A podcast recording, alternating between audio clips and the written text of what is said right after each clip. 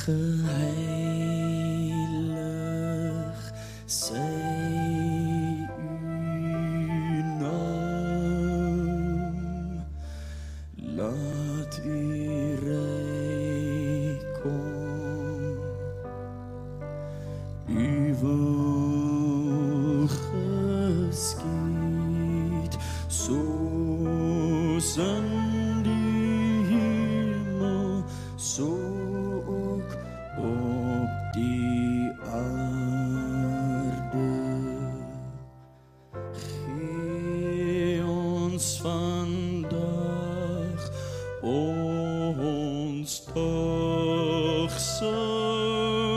brood.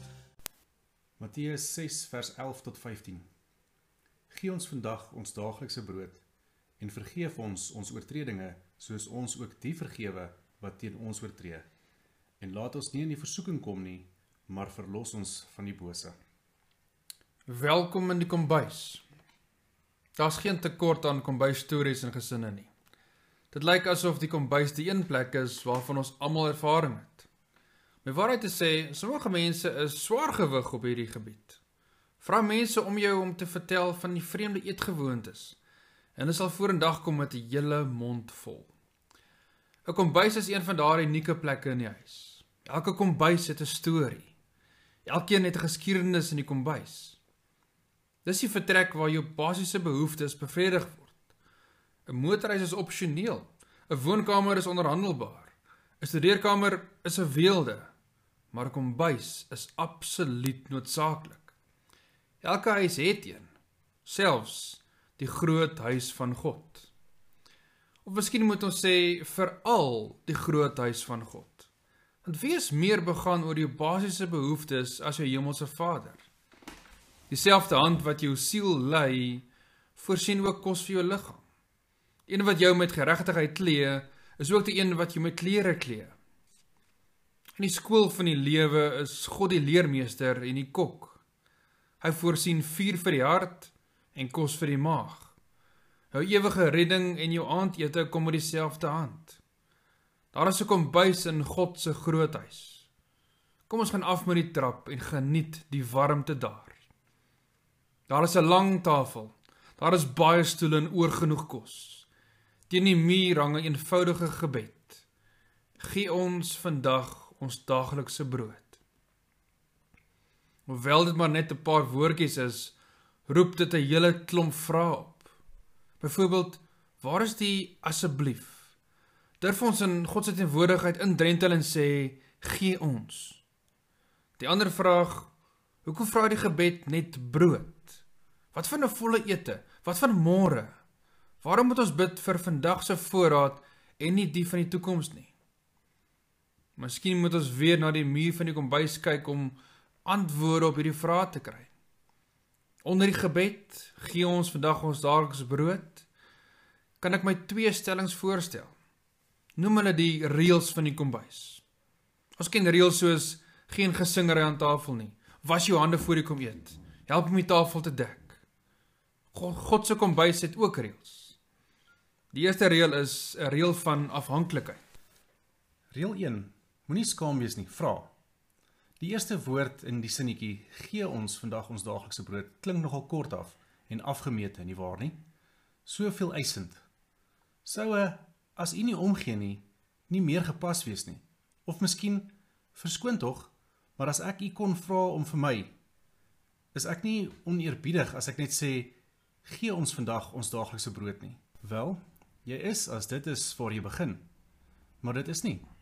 As jy Christus se model vir gebed volg, gevolg het, was jy eerder in beslag geneem deur die wonder van hom as deur jou maag. Die eerste 3 bedes is God gesentreerd, nie selfgesentreerd nie. Laat U naam geheilig word. U koninkryk kom. U wil geskied.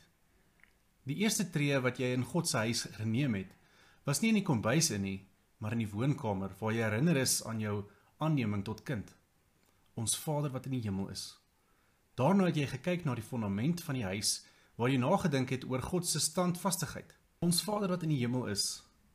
Daarna het jy na die uitkyktoring gegaan waar jy jou verwonder het aan sy handewerk. Ons Vader wat in die hemel is. In die kapel het jy hom in sy heilig heiligheid aanbid. Laat u naam geheilig word. In die troonkamer het jy sy septer se punt aangeraak en die grootste gebed gebid. Laat u koninkryk kom. In die studeerkamer het jy jou begeertes aan hom oorgegee en gebid. Laat u wil geskied. Die hele hemel het geswyg terwyl jy jou gebed in die vuuroond geplaas en gesê het: Soos in die hemel, net so op die aarde. Behoorlike gebed volg so 'n pad en openbaar God aan ons voordat ons ons behoeftes aan God openbaar. Kom ek sê dit weer. Behoorlike gebed volg so 'n pad en openbaar God aan ons voordat ons ons behoeftes aan God openbaar.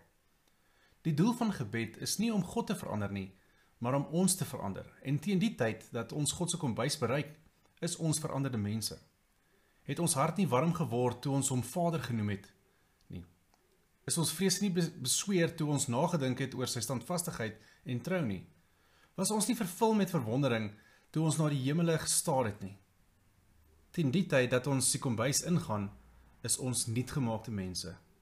Ons is getroos deur ons Vader, verander na sy aard, verteer deur die wonder van sy skepping, oortuig van skuld deur sy karakter, aan bande gelê deur sy mag, uitgestuur deur ons leermeester en tot nadenke gestem deur sy aandag aan ons gebede.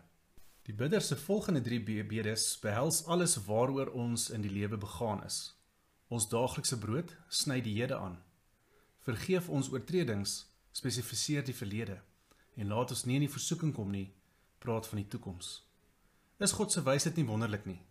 Kyk net hoe reduseer hy al ons behoeftes tot drie eenvoudige stellings.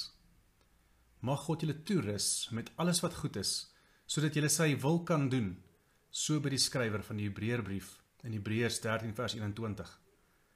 Is hierdie gebed nie al oor en oor in jou lewe verhoor nie? Ons het dalk nie altyd 'n feesmaal gehad nie, maar het ons nie nog altyd kos gehad nie. Daar was ten minste altyd brood. En dikwels dikwels was daar 'n feesmaal. Baie van ons in die moderne samelewing het inderdaad probleme om aanklank te vind by die bede. Gee ons vandag ons daaglikse brood. Want ons koskas is so gepak en ons maag is so vol dat ons selde vir kos vra. Ons vra vir selfbeheersing. Ons bid nie, Here, laat my eet nie. Ons sê, Here, help my om nie so baie te eet nie. Jy sal nie boeke in ons boekwinkels vind oor hoe om 'n honger dood vry te spring nie, maar daar is rakke vol boeke oor hoe om gewig te verloor. Dit wil egter nie die belangrikheid van hierdie bede ontken nie. Lank voordat jy geweet het jy het iemand nodig om te voorsien in jou behoeftes, het God dit alreeds gedoen. Dis is die eerste reël van die kombuis afhanklikheid. Vra God vir wat jy ook al nodig het. Hy het onderneem om vir jou te sorg. God bestaan met die selfopgelegde taak om te voorsien vir hulle wat aan hom behoort. En jy moet erken dat hy tot dusver uitmuntend daarin geslaag het.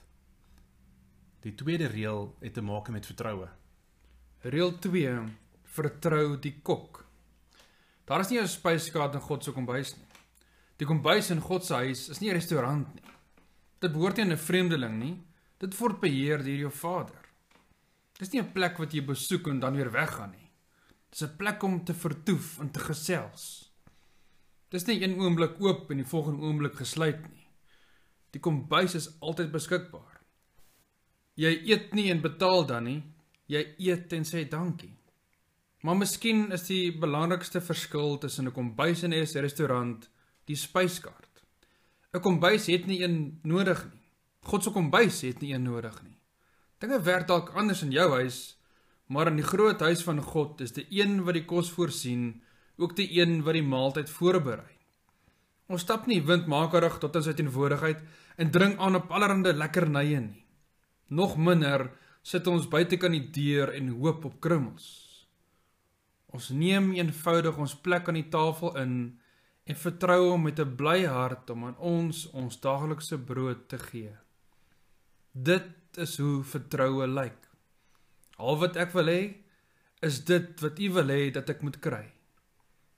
Party dae is die bord oorlopends te vol.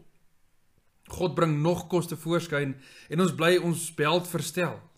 'n Promosie, 'n voorreg, 'n vriendskap, 'n geskenk, 'n leeftyd se genade, 'n ewigheid van vreugde. Daar is tye wanneer ons letterlik terugsit van die tafel af, verstom oor God se goedheid. U laat my by 'n feesmaal aansit terwyl my teestanders moet toe kyk. U ontvang my soos 'n eregas. Ek word oorlaai met hartlikheid. Miskien is die hart van die gebed te vind in Spreuke. Moet my nie arm maak of ryk nie. Gee my net die kos wat ek nodig het. Sodat ek nie te veel het en u verloon en sê wie is die Here nie. En sodat ek nie arm word en steel en my God se naam oneer aandoen nie. Wanneer jou bord volgende keer meer broccoli as appeltert bevat, onthou dan wie vir jou die maaltyd voorberei het. En wanneer jou bord volgende keer 'n porsie bevat wat jy sukkel om afgesluk te kry, praat dan met God daaroor. Jesus het in die tuin van Getsemane het sy Vader vir hom 'n beker gegee wat so bitter, so sleg was dat Jesus wou teruggee vir hom. My Vader het hy gebid, as dit moontlik is, laat hierdie lydensbeker by my verbygaan. Moet nogtans nie doen soos ek wil nie, maar soos U wil. Selfs aan Jesus is 'n porsie gegee wat hy moeilik kon sluk. Maar met die hulp van God het hy. En met God se hulp kan jy ook. Mag jy van nou af lekkerder in jou kombuis kuier.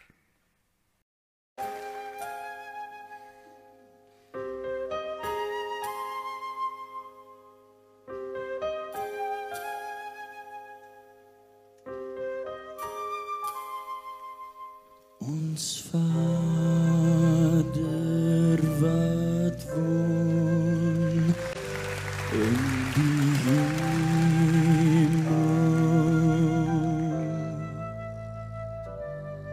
Geheilig sy